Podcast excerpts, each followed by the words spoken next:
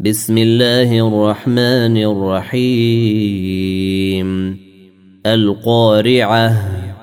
ما القارعة؟ وما أدراك ما القارعة؟ يوم يكون الناس كالفراش المبثوث وتكون الجبال كالعهن المنفوش. فاما من ثقلت موازينه فهو في عيشه راضيه واما من خفت موازينه فامه هاويه وما ادراك ما هي نار حاميه